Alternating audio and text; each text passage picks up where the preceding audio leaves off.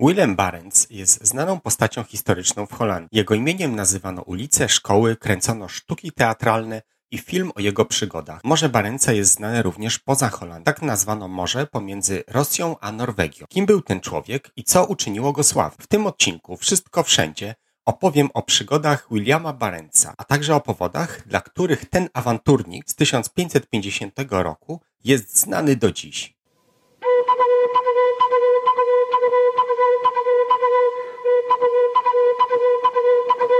W XVI wieku handel między Europą a Azją zaczynał się szybko rozwijać. Handel pomiędzy Azją a Europą odbywał się od wieków za pośrednictwem tzw. Tak jedwabnego szlaku, ale w tym czasie coraz większego znaczenia nabierał również handel morski. Handlowano głównie przyprawami, ziołami takimi jak goździki, gałka muszkatałowa i cynamon. Portugalczycy jako pierwsi dotarli do Azji statkiem. Portugalskiemu odkrywcy Vasco da Gamie Udało się przepłynąć wzdłuż południowego wybrzeża Afryki do Azji. Krzysztof Kolumb również myślał, że dotarł do Azji inną drogą na zachód, ale to był błąd. Hiszpanie i Portugalczycy od dawna kontrolowali handel przyprawami.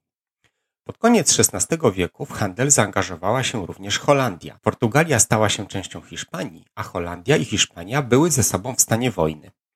Holandia chciała zachować dostęp do produktów z Azji, dlatego zaczęła szukać dróg do Azji alternatywnych do opłynięcia Afryki dookoła. Holendrzy od lat żeglowali z portugalskimi kupcami i dlatego wiedzieli, jak dostać się do Azji drogą południową. Te przedsięwzięcia holenderskich kupców w Azji doprowadziły ostatecznie do założenia wielkiej kompanii VOC, holenderskiej kompanii wschodnioindyjskiej.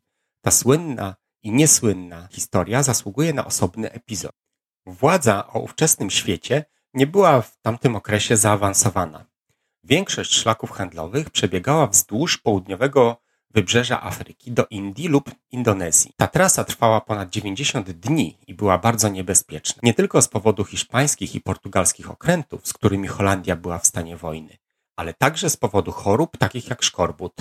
Szkorbut to choroba, na którą zapada się poprzez długotrwały niedobór witaminy C. Konsekwencje szkorbutu są następujące. Po pewnym czasie wypadają ci zęby. Poszukiwania alternatywnych tras do Azji szły pełną parą. Kolumb próbował tego na zachodzie. Standardowa trasa wiodła przez południe. Inną możliwą drogą do Azji mogła być północ. Hipotetyczną trasę nazywano przejściem północnym. I tu zaczyna się historia Barenca. Niewiele wiadomo o życiu Williama Barenca przed jego odkrywczymi podróżami. Barenc urodził się na holenderskiej wyspie Watowej Terschelling około 1550 roku. Prawdopodobnie w swoim życiu pracował głównie jako handlowiec. W późniejszym okresie życia został również twórcą map, zwłaszcza w Hiszpanii i basenie Morza Śródziemnego. Barents stworzył dobrą i dokładną mapę obszaru wokół Gibraltaru na tamten czas. Być może dlatego, gdy zorganizowano ekspedycję mającą na celu odnalezienie nowej drogi do Chin, Barenca poproszono o poprowadzenie tej wyprawy. Pierwsza wyprawa była całkiem udana. Podróż ta rozpoczęła się latem 1594 roku i została opłacona przez ówczesny holenderski rząd. W skład tej pierwszej ekspedycji wchodziły trzy statki, w których jeden był pod dowództwem Barenca. Celem odkrywczej wyprawy było odnalezienie drogi na północ od Syberii w kierunku Chin. Podczas tej podróży podróżnicy zetknęli się z wszelkiego rodzaju zwierzętami, których nigdy wcześniej nie widzieli. Na przykład niedźwiedź polarny, który próbował dostać się do jednej z łodzi. Załoga próbowała złapać niedźwiedzia polarnego, ale potem okazało się, że trzymanie żywego niedźwiedzia polarnego na statku nie jest takie proste. Więc i tak zastrzelili tą bestię. Natknęli się także na grupę około 200 morsów. Wiele z nich zostało również zabitych i wywiezionych na statkach. Podczas tej pierwszej wyprawy udało się dotrzeć do zachodniego wybrzeża Nowej Ziemi. Nowa Ziemia to grupa wysp, która obecnie jest częścią Rosji. Stanowiła w niedalekiej przyszłości poligon atomowy. Barenc i jego załoga próbowali płynąć dalej na północ, wzdłuż wybrzeża Nowej Ziemi, ale lód stawał się coraz grubszy i grubszy, im bardziej na północ. W końcu musieli się poddać i odpłynęli z powrotem do Holandii. Cel wyprawy, jakim było odkrycie północnej drogi do Chin, nie został osiągnięty, a mimo to wyjazd uznano za udany. To wystarczyło, aby spróbować jeszcze raz. Więc rok później Barents został mianowany dowódcą nowej ekspedycji. Tym razem poszło w niej aż sześć statków załadowanych towarem. Takcy byli pewni, że uda odnaleźć się drogę do Chin i wtedy mogliby natychmiast rozpocząć handel, a koszty wyprawy natychmiast by się zwróciły. Bo o to tym wszystkim chodziło, żeby zarobić trochę pieniędzy. Latem 1595 roku wyruszyli więc na tą drugą wyprawę. Dwa miesiące później dotarli na północ dzisiejszej Rosji. Wkrótce jednak okazało się, że lodu jest zbyt dużo, aby płynąć dalej na wschód. Dwóch członków załogi zostało zabitych przez niedźwiedzia polarnego. Barents musiał wrócić do Holandii i tym razem przyjęcie było mniej przyjemne. Wyprawę uznano za porażkę, a rozczarowanie było wielkie, podobnie jak konsekwencje finansowe.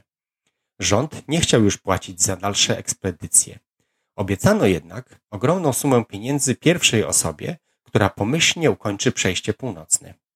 A Barents był wciąż zdeterminowany, by odnaleźć to przejście. W końcu udało mu się znaleźć kogoś, kto zechciał sfinansować trzeci wyjazd. Pieniędzy starczyło na tylko dwa statki, które popłynęły, aby spróbować szczęścia ponownie. Tym razem wyjechali wcześniej niż w poprzednich latach. W maju 1596 roku rozpoczęła się trzecia i ostatnia wyprawa Barenca. W przeciwieństwie do dwóch poprzednich ekspedycji, Barenc nie przekroczył Skandynawii na wschodzie, ale dalej na północ. Odkrył dwie wyspy, wyspę Niedźwiedzią i Spitsbergen. Spitsbergen zwany był również jako Svalbard, a obecnie jest to część Norwegii, wspólnie zarządzana z Rosją. Następnie popłynęli dalej na wschód. Tym razem Barencowi udało ominąć się Nową Ziemię. Popłynęli dalej niż ktokolwiek kiedykolwiek przedtem. Ale potem nie było już tak dobrze. Silne burze śnieżne uniemożliwiły statkowi dalszą żeglugę i musieli poczekać w zatoce, aż burza się skończy. Lód w zatoce stawał się coraz grubszy i grubszy, aż statek ugrzęzł w nim. Lód przesuwający się jeden po drugim wypchnął statek o jeden metr w górę. Barents i jego szesnastu członków załogi nie mieli wyboru. Musieli spędzić zimę na nowej ziemi. Nie była to przyjemna perspektywa.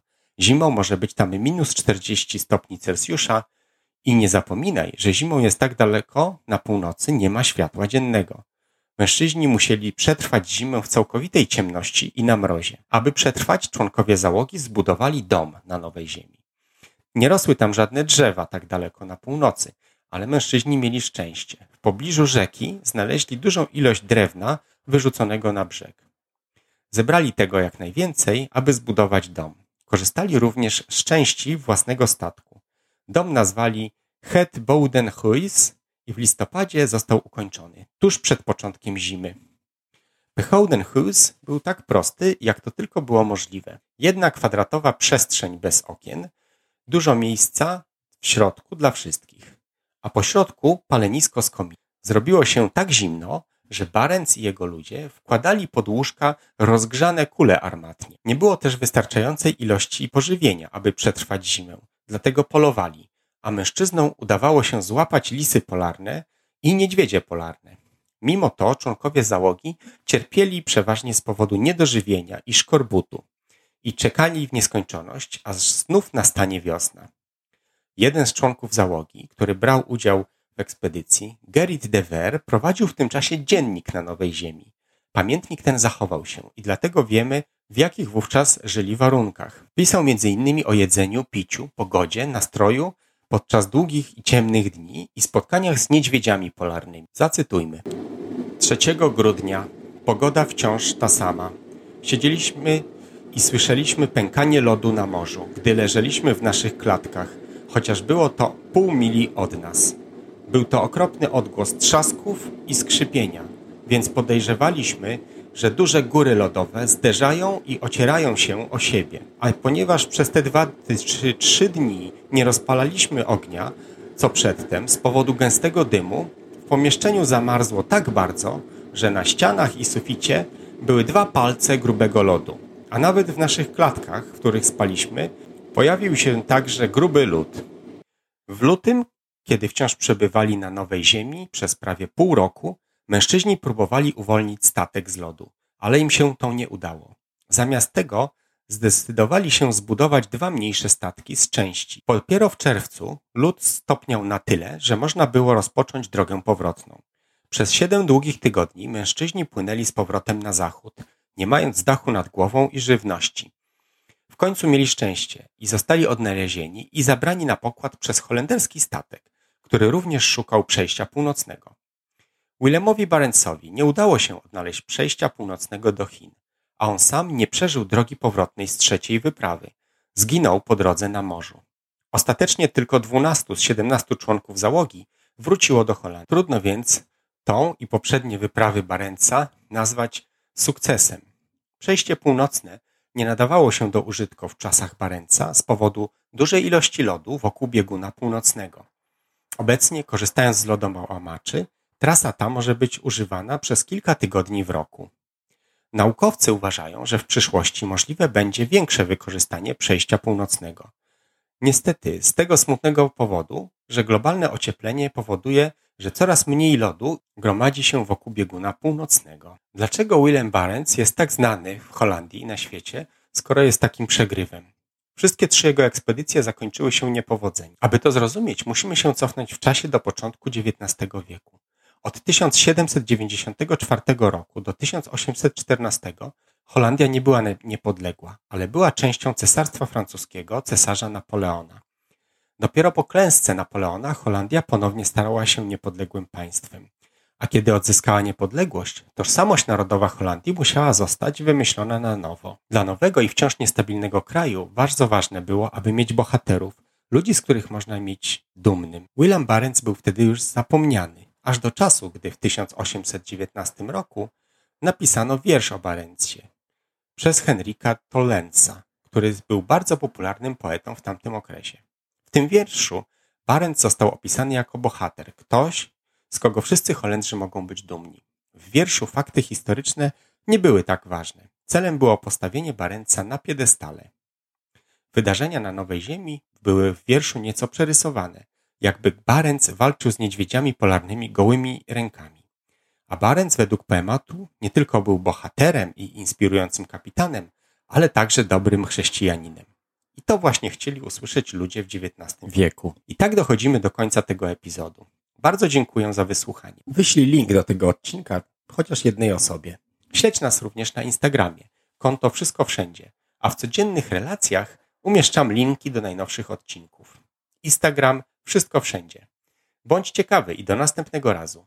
To jest dźwięk huraganu i zimy na północy.